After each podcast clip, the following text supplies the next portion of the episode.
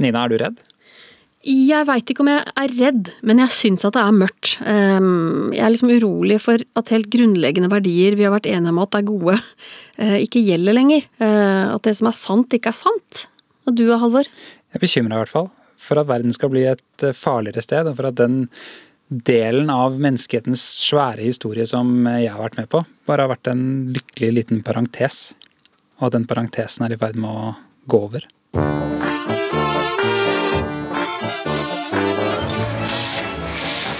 Right now, the world is a mess. Le terrorisme, c'est le fondamentalisme islamiste.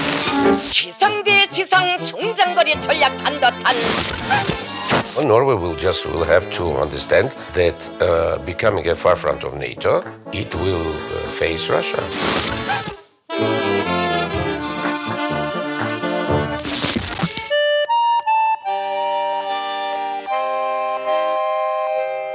Vi som lager Mørketid er Halvor Finnes Trettvoll og Nina Stenstrøm Martin. Og vi vet jo ikke mer om det her enn helt vanlige folk, men vi tenkte vi skulle prøve å hjelpe oss sjæl litt. For er det en ting som eh, kan virke mot frykt, så er det å snakke om det. Og få et slags grep om hva som er skummelt, om hva som ikke er det. En slags kollektiv terapi. Ja, Noe sånt. For jo mer vi forstår, jo mindre frykter vi. Ja, så i seks episoder nå framover så skal vi gå disse store frykta lederne som former vår tid nærmere etter i sømmene.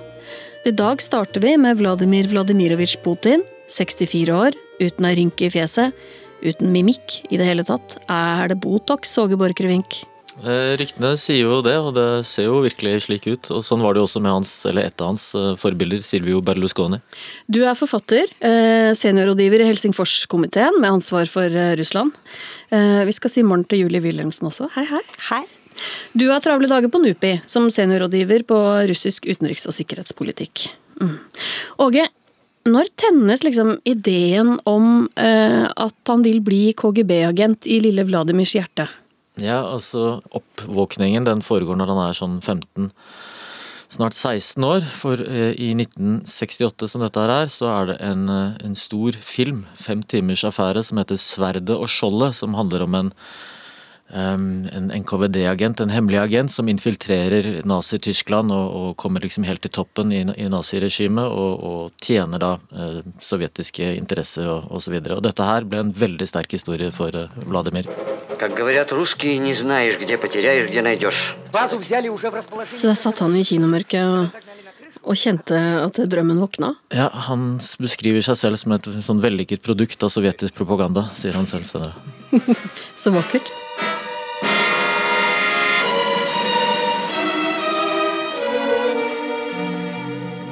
Um, han kommer fra arbeiderklassebakgrunn i St. Petersburg og vokste opp i en sånn såkalt kommunalka, altså en sånn leilighet som er delt mellom flere familier. Veldig trange kår. eh, og beskriver hvordan han slåss med rotter i trappen opp, og eh, at det var et eh, på alle vis hardt liv. Um, foreldrene hans var ganske gamle. De, var over 40 på tidspunktet han ble født, i 52. Og begge to var overlevere. Faren hadde ved et mirakel egentlig overlevd beleiringen av Leningrad. Han ble hardt skadet. Han beskriver også hvordan en sånn tysk soldat kaster en håndgranat på ham. Og så overlever han ehm, på et sykehus i, i Leningrad, mens moren ble trukket ut av en likhaug eh, fordi hun laget lyder. Så dette her er ganske preget familie av annen verdenskrig. Overlevere. Um, Finnes det noe sånn definerende øyeblikk i karrieren hans som uh, KGB-agent?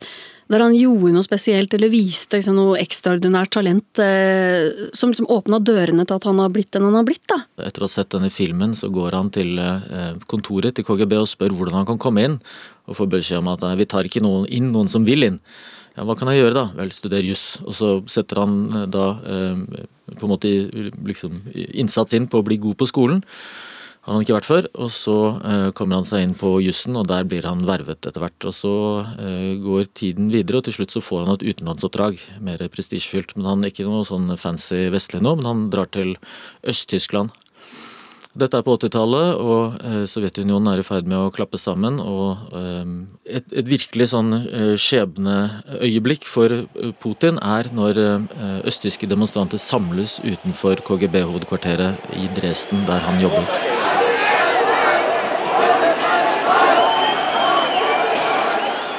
Og da er det noen forskjellige versjoner av hva som skjer. I én versjon så går Putin ut og sier alle mine menn er bevæpnet, de har ordre om å skyte. Og så går han inn, og så oppløses mengden. I en annen versjon så spør mengden hvorfor snakker du så godt tysk? Det er bare fordi at jeg er en tolk, sier han, og så lar de ham være. Altså, um, det som på en måte er det han selv uh, trekker fram fra den historien, er at de ringte Moskva, men Moskva var taust. Det kom ingen ordre lenger fra Moskva. altså Dette sammenbruddet av makten er det som han tok med seg derfra, som var veldig traumatisk da, for Putin. Man kan jo kanskje tenke seg at en gutt som ble imponert av å se en film om eh, KGB som 15-16-åringen, som lykkes Man kom fra enkle kår, han var ikke noen um, pamp, pampefamilie. Å komme seg inn i KGB må ha følt det ganske tungt at hele imperiet han tjente, forsvant. Det kan man jo mm. tenke seg.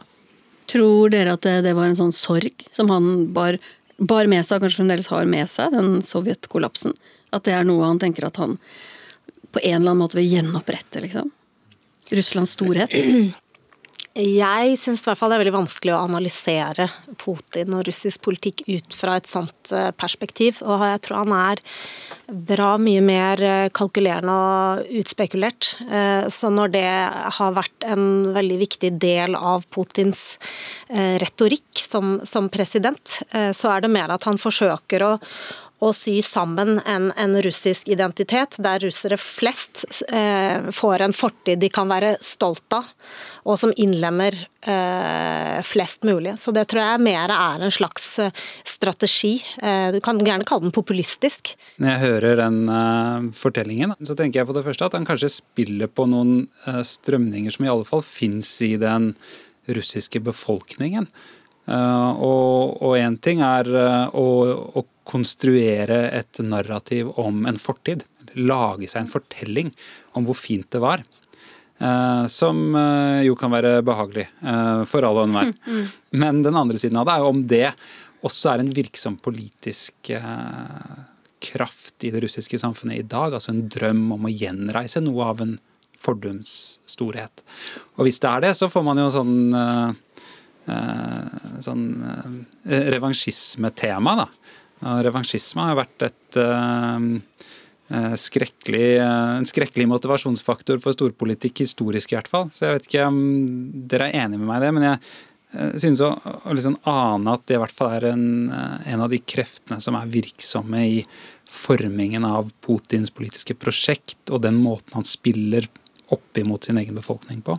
Hvis man har lyst til å prøve å forstå hvorfor dette med Sovjetunionen var ikke så dårlig allikevel.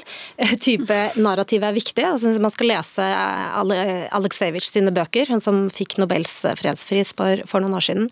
Nei, ikke fredspris, men litteraturpris. For det hun beskriver, er Hun snakker om det røde mennesket. Hun, mm. hun, beskriver hvordan det røde mennesket er, og dette behovet for å leve under en, en større idé, da, og at det veldig sånn hypermaterialistiske eh, samfunnet som mange russere ble tilbudt på, på 90-tallet, egentlig ikke fenger. Og at veldig mange russere, i hvert fall i den eldre generasjonen, går rundt med denne følelsen at de fremdeles er et rødt menneske som trenger en idé å leve for. og der har på en måte... Særlig fordi de materielle godene bare kom til noen få av disse mm. menneskene. Så... Ikke sant. Mm. Altså det, det, det, Putin gjør, er jo å, å, måte å, å, å connecte, treffe veldig godt, selvsagt, eh, med å presentere seg som et sånn erketypisk rødt menneske. ikke sant? Dette er hans bakgrunn, dette er hans sovjetiske drømmer. Og dette er hans store desillusjon når han står der eh, i Dresden og ser alt sammen kollapse. Men, men Putin er jo også en mann som har strekt hånda ut mot, eh, mot Vesten og mot Nato? Spesielt etter 11.9.2001, så går han jo faktisk ut og tilbyr et slags partnerskap med Vesten. Men han Sier han ikke at Russland kan tenkes at Russland er en del av Nato? jo, absolutt. Dag, liksom? jo, absolutt. Det, det, det, har han også sagt på, i, i, 2000, tror jeg. Men, men så, er jo, så er jo Hva er det tilbudet fra russisk side? For det tilbudet fra russisk side er nettopp et partnerskap. Og der har, eh, er Putin bærer av, og de fleste russere bærer av denne stormaktsidentiteten, som gjør at det kan ikke innebære at USA dikterer hva som skjer, og ikke tar hensyn til våre interesser. Og Derfor så sprekker jo det som egentlig så ut og Jeg husker vi hadde store konferanser om det. Nå skal liksom eh, Russland og Vesten bli partnere i krigen mot internasjonal terrorisme. Og, og Russland, eh, Putin faktisk gikk i bresjen for å gjøre en del ting som var helt uakseptabelt for den russiske eliten ellers.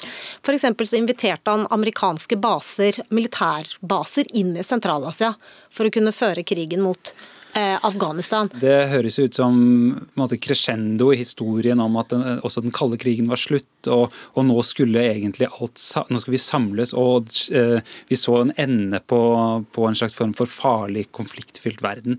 Og Jahn Teigen synger Glasås i bakgrunnen. Ja, ikke sant. Eh, og en sånn erkjennelse, eller en, en følelse, som jeg tror eh, i hvert fall jeg kjenner på, det er at vi kanskje må se enden på den lange etterkrigstiden og, og, skue inn i at vi kanskje lever i noe som kan minne om en, en førkrigstid? Um, 2006 eller noe slikt var det en, var det en, en um, israelsk uh, professor som skrev en artikkel som var veldig god, syns jeg, som het 'The End of the End of History'. Altså, ja. Hvor han mente altså at, uh, at ting var måte på vei tilbake til en slags eh, normaltilstand, der eh, Kina og, og, Russland hadde lukket politiske, men åpne økonomiske systemer og var på den måten mer eh, integrerte i Vesten, men samtidig også i, ville være antagonistiske mot deler eh, av, av liksom, ja, demokratiske verdier osv. Hva tenker du Julie? Kan man si at eh, Det er jo en sånn populær påstand eh, om dagen å si eh, i middagsselskap litt utpå kvelden at eh, vi lever jo i en førkrigstid. Nei, det, ikke, altså det spørs helt hvor du legger linsen. For det at verden er alltid i krig. Altså denne eh, Russland-Vesten-konflikten, hvis det er den vi skal snakke om, eller USA Eh, Russland, potensielt Kina, så, så syns jeg nok vi har sett den på en måte øke på, på radaren. Eh, kanskje spesielt siden 2003 når det partnerskapet mellom eh, Russland og Vesten virkelig sprekker, fordi USA eh, går til krig mot Irak, som Russland tolker som et brudd på partnerskapet. De mm. blir ikke konsultert, de blir ikke tatt med på lag i det hele tatt. I tillegg så begynner på det tidspunktet også en, en helt annen type amerikansk kritikk av demokratiutviklingen eh, i Russland, som eh, Putin med en gang stempler som dobbeltmoralsk. Hvem er George Bush for å komme her og fortelle oss om hva demokrati er? Sånn at den, den, på en måte eh, veldig Jeg syns skarpe, nærmest førkrigstida vi er i nå, den har på en måte vært i, i emning ganske så lenge. Um, det, vi må snakke litt om eh, den der snuoperasjonen som Trump har begått uh, med hensyn til Russland. Fra denne her flørtende valgkampen der han roste Putin og rakka ned på Nato og var myk i omtalen av uh, Russlands uh, annektering av Ukraina, til dette iskalde forholdet vi ser nå. Uh, her er Trumps reaksjon etter utenriksministermøtet i Moskva.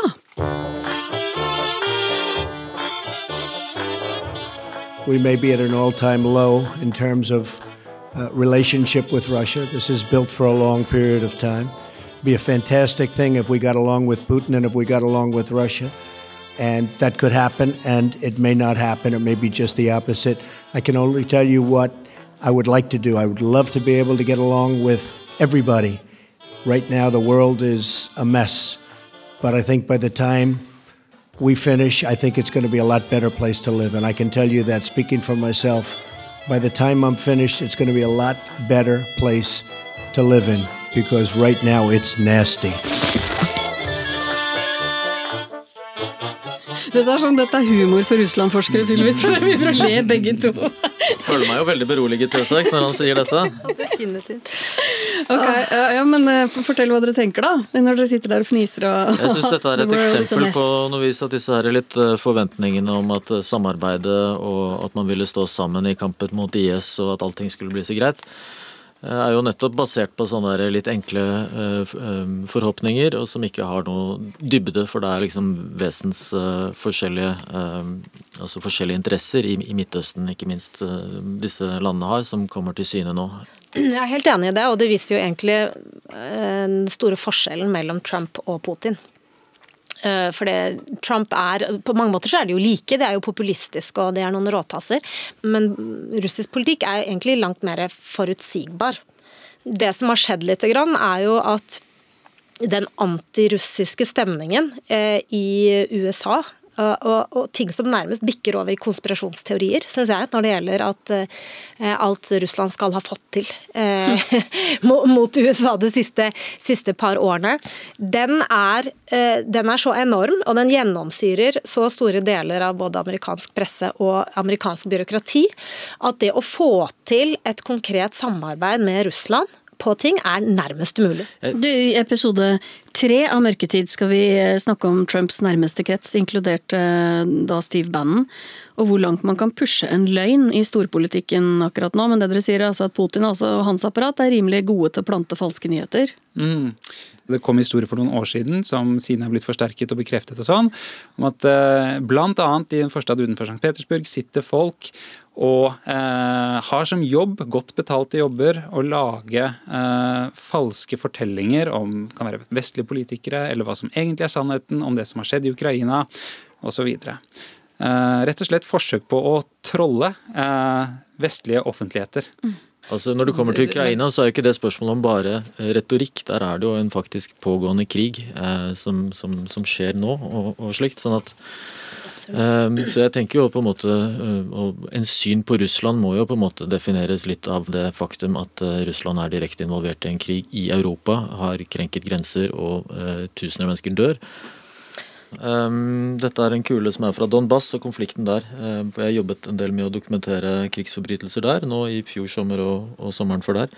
Og da, Det som jeg synes var en interessant historie derfra, det var at jeg reiste sammen med eh, altså da eh, sånne dokumentarister, menneskerettighetsfolk fra, fra ukrainske siden. Men han jeg kjørte sammen med, var russer. og når vi eh, jobbet der, så ringte moren hans. Fordi hun var da russisk og bodde i, i, Moskva. Så han fortalte at jo, nå driver jeg og samler beviser her i, langs fronten osv. Ja, det var jo skummelt. Hva skal du gjøre etterpå? Ja, jeg skal på ferie. Hvor skal du da? Jo, jeg skal til Vest-Ukraina. Hva? Du kan ikke dra dit! Er du gal? Det er nazister, de vil drepe deg! Og så sa han ja, men mamma, er du helt sprø? Vi har jo bodd her i 20 år, du kjenner jo dette landet her. Hvordan kan du tro dette? Um, og det sa noe om de parallelle uh, verdenene de to levde i. Dette var altså mor og sønn, og det sier et eller annet om at liksom, TV er tykkere enn blod, eller hva man skal si. Altså den, på en måte de historiene som uh, er der. Um, dominerer, slik at på en måte familier splittes opp. og Dette er én historie av tusen tilsvarende. Kan du sende og denne, denne, denne, kula eh, ja, med litt sånn bøyd tupp? Det er fra en Småkalibret uh, AK um, variant AKM heter vel det der eh, lille der. Så det er et uh, tantvåpen, men det er fra, fra krigssonene. Uh, ja. Men tilbake til det spørsmålet ditt, så tenker jeg at dette her handler litt om å definere hva er russiske interesser. Altså hva, hva er egentlig russiske interesser? Man snakker om Russlands interesser. Um, så hvis du, eh, altså, Synet på Putin er jo på en måte todelt. ikke sant? Man ser han en som en sånn på en måte litt ensom despot, og at det er på en måte han som bestemmer om det blir godt eller dårlig vær i Russland i morgen. Eller man ser han på en måte som uttrykk for en elite. En veldig omskiftelig karakter som kan endre historier for å appellere til forskjellige typer segmenter av den russiske befolkningen. og Det er jo etter min mening den mye mer overbevisende historien. Uh, og det som på en måte er i, Russlands interesser, altså russiske statsinteresser, vil i ifølge den tolkningen egentlig representere elitens interesser. Vi får jo høre veldig lite om den eliten. Altså Vi snakker jo om Putins Russland ikke sant, i nyhetsbildet hele tida. Men hvem er den eliten? ikke sant? Ja, hans hvem gamle judokamerater fra St. Petersburg, blant annet. Ai, ai, ai. Nei, ja, altså, seriøst, hvem er de som styrer Putin? Ja og nei. altså det er til dels denne judokameratgjengen og den indre kretsen, men det er absolutt ikke bare det. fordi at Putin er en populist, og det gjør det også ganske mye mer eh, uforutsigbart. Altså det endrer seg over tid, og samtidig veldig viktig å følge med på hva, hva, som faktisk skjer i Russland, som jeg veldig ofte opplever at vestlig presse ikke gjør. Det handler jo også om makt. Det handler om å vise ja. Russland som en mektig spiller, og det er på en måte et mål i seg selv, nærmest, liksom, å få, mm. å få fram det bildet. Mm. Ehm, jeg tenker en av eh, sånn sjefsideologen som ofte blir trukket fram, da, eller ja, sjefsideologen ehm, i, i Kreml, er en, er en, person som heter Vladislav Surkov. Um, og han er på mange måter å, å sammenligne, syns jeg, med, med, en reklamemann. ikke sant? Med et veldig godt begrep om både hvordan du forteller historier, hvem du forteller det til, og hva konsekvensene blir. Um, veldig interessant figur. Uh, men Steve Bannon virker det som han tror på sine egne historier, og det tenker jeg er en stor forskjell på et eller annet vis. De fagmilitære snakker jo om dette som en egen liksom, arena for krigføring. altså Cyber som en, uh, tillegg til landmakt og sjømakt og makt over luftrommet. Så har det liksom kommet en helt ny arena å drive konflikt på. Sånne sovjetiske militære hadde noe som de kalte psykosfæren? eller ja, Ikke sant? Og på, og, på det, og på, det, området så er det sånn at eh, kan man kanskje til og med si at her er konflikten allerede i gang.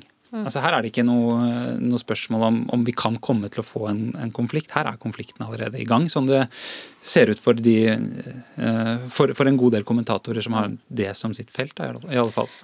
Vi kan ikke snakke om eh, potensielle trusler og, og maktspill fra, fra, Putins Russland eh, uten å snakke om oss sjøl. Vi har jo denne grensa der oppe i nord. Um, Norge skal i år bestemme om vi skal være en del av Natos rakettskjold. Utenriksdepartementet sier det er retta mot trusler utafor eh, det euroatlantiske området. Eh, det er ikke retta mot Russland. Men det gjør altså Putin så forbanna at han må ta det opp i nyttårstalen. Man må være klar over at akkurat det rakettskjoldet, som jo vi har snakket om i over ti år nå, og som Obama faktisk til dels skrinla, eh, det har hele tiden vært fremstilt som, som at det skulle avverge raketter fra Iran. Russland har hele tiden sagt mm -hmm, dette er egentlig et rakettskjold som er myntet på å nøytralisere våre kjernevåpen, som er det eneste militære feltet hvor Russland og USA fremdeles har det man kaller paritet. Altså der Russland er noenlunde like sterk, da, og man kan på en måte holde hverandre i sjakk. Og Derfor så er det åpenbart at det kom til å bli eh, en stor sak hvis Norge eh, skulle være del av dette rakettskjoldet. Og så strides altså ekspertene om hvorvidt det er riktig at dette rakettskjoldet at du kan bare gjøre noen små endringer, og så kan det brukes til å nøytralisere russiske kapabiliteter, eller ikke. Og det, kan, det vet ikke jeg. Det, det, er ikke, det, er ikke, konstruert for det, det er ikke dimensjonert for å være retta mot Russland. Ja. Men uansett altså utløser det jo en ordkrig som kanskje er Eh, farlig, og, som også er til dels ganske vill. Vi skal høre på den storrøykende, smilende, ganske coole russiske ambassadøren i Norge, Ramashvili, eh, hvor han advarer Norge mot dette her.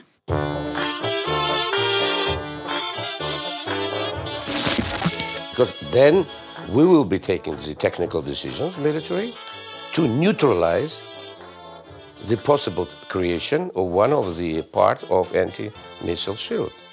And then there will be outcry in Norway saying Russia is uh, uh, creating military threat to us.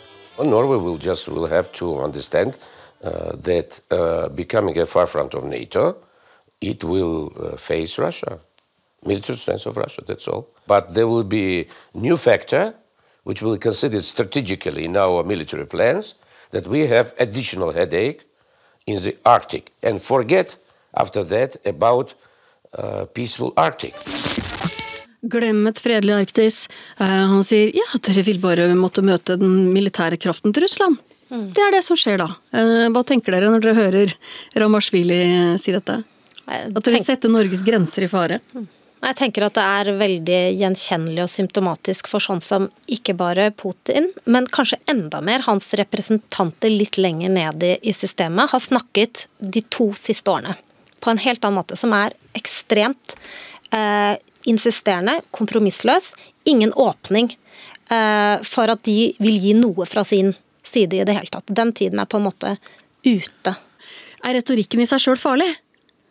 Ja, retorikken eh, eh, sammen med den andre retorikken, sammen med de konkrete handlingene, eh, er det som er farlig. For det som har vært tilfellet, er jo at Norges relasjon til Russland har vært litt annerledes enn, Norges, enn, enn Russlands relasjon til mange av de andre vestlige landene. Og vi har fått til utrolig mye samarbeid med Russland, spesielt i nordområdene. Eh, spesielt når det gjelder forvaltning av fiskeressurser, eh, energiressurser. Vi har delelinjeavtalen fra 2010 der man delte på midten. Så vi har på en måte en veldig eh, god arv da, for samarbeid, hvor Russland åpenbart har forholdt seg til, til Norge som noe litt annet enn bare et Nato-land. Det vi har sett de siste to årene, er at Norge er et Nato-land. Vi er bare mer en utpost for, for, eh, for, USA. Jeg tror vi må også tenke litt sånn, altså Hva er russernes interesse eh, her? Og Det de nok er veldig opptatt av når det gjelder Skandinavia eller Norden, det er jo at Sverige og Finland ikke skal bli medlem av Nato.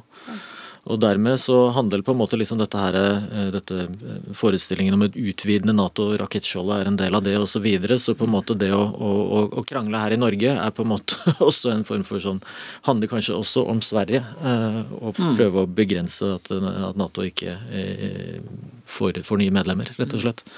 Jeg husker jeg var i Russland i 2005, og da så jeg denne historien om Elektron, altså den der russiske tråleren um, Ja. med norske inspektører om bord. Og den ble slått enormt opp, liksom. Og, det, og, og masse kommentatorer overalt som, som sa dette viser hvordan uh, Norge tråkker på russerne. Um, slik at jeg, jeg, jeg tenker liksom at altså, For det første så tror jeg ikke Russland bryr seg noe særlig om Norge. Det er et ganske perifert lite land. Uh, men, men det kan brukes det også på en måte um, liksom sånn der Forholdet mellom Norge og Russland tror jeg egentlig ikke er noen lokal ting, men avgjøres så mye større spørsmål lenger oppe. og Det er kanskje trist for oss å tenke som føler at vi skulle gjerne kontrollere vår egen situasjon. Men jeg tror det er Ja, men samtidig kanskje en trøst for de som er redd for at det skal dukke opp små grønne menn i Finnmark. da. Eh, At Putin kanskje ikke bryr seg så veldig, eller han er mer opptatt av hvordan det går med valgene i Frankrike og Tyskland og sånn, eller hvordan er det? Ja, altså Det er veldig liten sjanse for at det skal dukke opp grønne menn i Finnmark. La oss bare si det med en gang. Da snakker vi nok amerikansk i så fall. Ja. Mens når vi nå får liksom den øst-vest-aksen i, i, i mye større spenning og, og militært, for det er klart at Russland har jo hele Nordflåten sin der oppe. Det er jo, det er, så det er en helt konkret geopolitisk eh, situasjon som har virket ganske irrelevant, for det vi har ikke tenkt i disse baner i det hele tatt, men som nå plutselig er, er relevant. ikke sant? Og da ligger rett og slett Norge midt imellom, på grensa der. Og da er det sånn at Hvis, hvis Russland eh, skal, tror at de blir angrepet av USA og skal beskytte den Nordflåten, så vil de gjerne ha en slags sånn buffersone som da går inn eh, i norsk eh, eh, farvann. Så eh, det er ingen sjanse for at eh, grønne menn skal komme over grensen, men det er jo større sjanse for at det området blir si, militært sett aktualisert, da, eh, når spenningen øker på den måten det har gjort i det siste. Var det noen av dere som- mindre det Nei. Var det noen av dere som så den der eh, Okkupert-serien for noen år siden på, på TV 2? Jeg har faktisk ikke sett den, men hver gang jeg reiser utenlands, så snakker folk til meg om denne serien. Og I Ukraina så er disse her um, propagandakrigsspesialistene ekstremt opptatt av okkupert, for de mener ja, det er sånn det kommer til å bli. Ja, sånn fordi, ikke sant, den, eh, den eh, er jo ikke troverdig i ett og alt. Den forutsetter jo bl.a. at eh, thorium skal bli en ny energikilde som vi kan eh, gjøre at vi skroter all oljevirksomhet. Eller at Miljøpartiet De Grønne styrer Norge? Eller at Miljøpartiet De Grønne blir eh, for statsministeren, eller at eh, USA faktisk trekker seg ut av Nato. altså Forutsetninger som er langt, langt unna der vi Ja, er i dag. Kanskje det med USA og og Nato er kanskje, var i hvert fall et spørsmål en periode. Nå ser det ut som at det også har roet seg litt. men det som er kjennetegnet ved den russiske eh, okkupasjonen av Norge, da, er jo at den er jo ikke eh, fullstendig og med eh, panserdivisjoner og tanks som ruller inn over Finnmarksvidda. Sånn. Den er jo mye mer sånn eh, stille, går stillere i dørene. eh, bærebjelken i, i tenkningen rundt hva norsk sikkerhet er tuftet på, den er tuftet på den amerikanske garantien om at de kommer oss til unnsetning hvis vi skulle trenge dem. Og For å opprettholde den garantien, så er det sånn at Norge bare må levere. Det vi blir bedt om. Så jeg, jeg tenker at eh, For fremtiden så er det dette noe vi burde eh, diskutere mye mye mer. Men det paradoksale er, fordi vi nå har en ny russlandstrussel, så diskuterer vi det overhodet ikke. Det er helt uaktuelt å diskutere det, for det nå er timen kommet. Nå trenger vi virkelig denne amerikanske sikkerhetsgarantien. Og tilfellet er at de endringene man har gjort i det norske forsvaret nå det siste året, eh, knytter oss enda sterkere opp til, til USA og Storbritannia, eh, og er eh, innrettet nettopp på den måten at vi, okay, vi trenger kanskje nok norsk forsvar for å lage en slags tripwire, altså noen dager for å vente på at amerikanerne kommer, men til syvende og sist så er det det som, som, som gir oss eh, garantien. Er vi som samfunn beredt til å ta den diskusjonen, eller har vi liksom levd i en sånn boble av at, eh, at vi kan eh, slippe litt unna det? Fordi det har vært så stille, så rolig og så deilig å være norsk.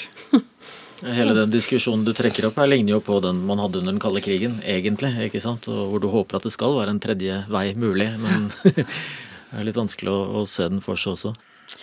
Vi vil jo så gjerne avslutte hver episode av denne reisa i politisk mørketid med ei lita strime av lys. Hva er det mest eh, håpefulle dere kan si, da? Om tida vi lever i og vårt forhold til naboen? For det første så vil jeg egentlig oppfordre alle til å reise til Russland. Det er et veldig fascinerende sted. Og, eh, ja, og som sagt, Russland er mer enn Putin, og i det ligger det veldig mye håp. hvis vi skal forsøke å bevege oss litt over fra storpolitikken og ned i på en måte at personer eh, og visjoner faktisk betyr noe, så tror jeg at eh, Gorbatsjovs person og hans idé eh, om at det gikk an å forholde seg til Vesten på en annen måte, eh, var, var, vel så viktig her som de økonomiske betingelsene. Og det, og, og det håper jeg faktisk er en, en tanke som kan, kan, spre seg litt. At det kommer noen etter Putin, som er en ny Gorbatsjov? Eller? Ja. Det mente Julie Wilhelmsen. Eh, og Åge Borchgrevink var også her i mørketid.